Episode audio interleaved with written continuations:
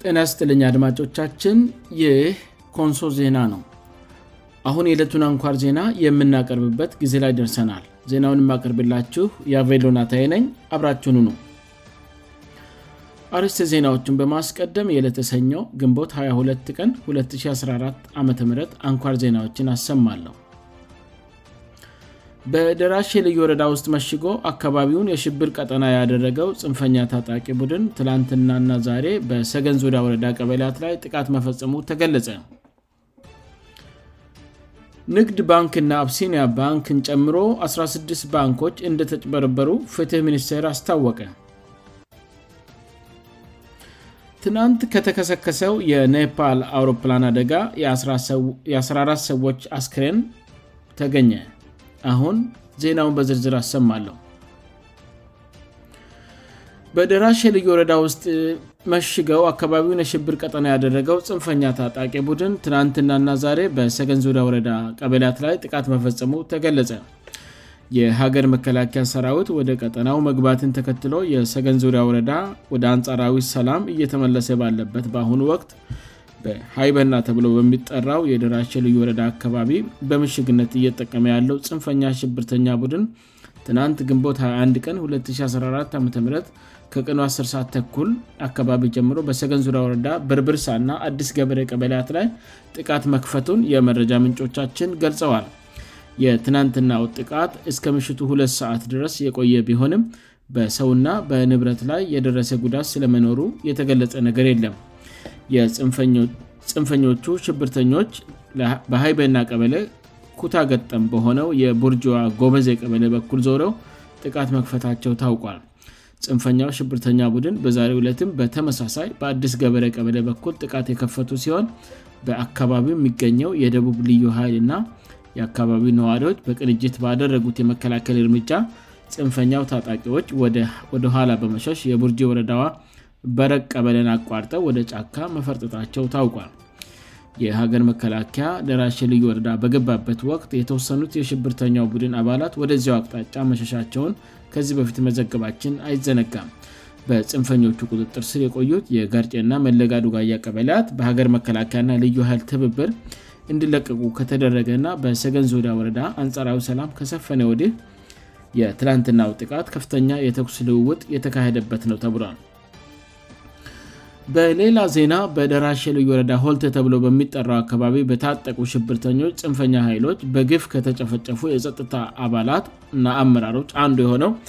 የፌደራል ፖሊስ አመራር ረዳት ኢንስፔክተር ታጁሬ ታደመ ቤተሰቦች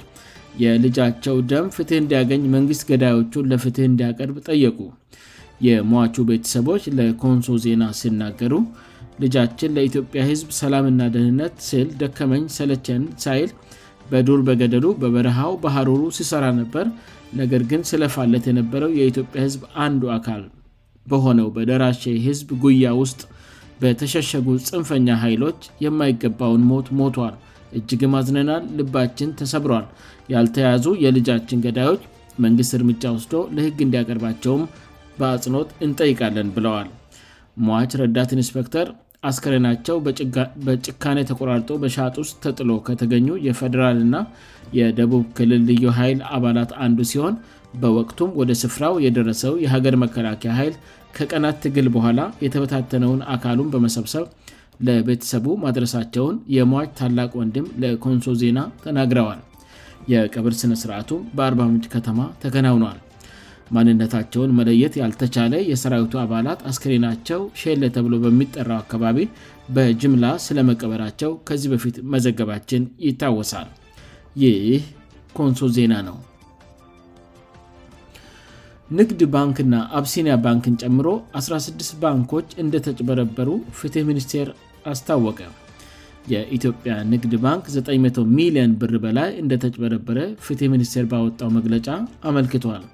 የፍትህ ሚኒስቴር በባንኮች ላይ የሚፈጸም የማጭበርበር ወንጀል መንስኤ ና የአፈፃፀም ዘደን በመለየት የመፍትሄ ሀሳብ ለማቅረብ የሠራውን ጥናት በአዲስ አበባ ይፋ አድርጓል ከ29 ዓ ም ጀምሮ በተካሄደው በዚህ ጥናት ከ37 ቢልየን ብር በላይ በባንኮች ላይ ማጭበርበር ተሞክሮ እንደነበር ተመላክቷል ሚኒስቴሩ እንዳስታወቀው በኢትዮጵያ በተለያዩ ባንኮች ከ18 ቢሊየን ብር በላይ ምዝበራ መከናወኑ ተገልጿል 18 ቢልየን ብሩ የተለያዩ የማታሊያ መንገዶችን በመጠቀም የተጭበረበሩ ሲሆን በተጨማሪም ከ19 ቢልየን ብር በላይ ደግሞ የመዛግብት ምዝበራ መፈፀሙን ተቋሙ ገልጿል የፍትህ ሚኒስቴር ሚኒስትሩ ዶር ጌድዮን ጢሞቴዎስ የብሔራዊ ባንክ ገዢ ዶር ይናገር ደሴን ጨምሮ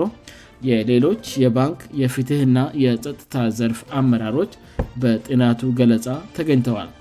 በተደረገው የዳስሳ ጥናትም ከ19 ቢሊዮን በላይ የመዛገብት ምዝበራ በባንኮች ላይ መፈፀሙ ተገልጿል የባንክ ማጭበርበር ከተፈጸመባቸው 16 ባንኮች መካከል 50 በመ0ወይ 961 ሚሊዮን ብር በኢትዮጵያ ንግድ ባንክ ላይ የተፈጸመ ማጭበርበር እንደሆነ በዚሁ ጥናት ተጠቁመዋል እንዲሁም 17 በመ329 ሚሊን ብር የሚጠጋው በአፕሲኒያ ባንክ ላይ እንዲሁም 85በ162 ሚን ብር የሚሆነው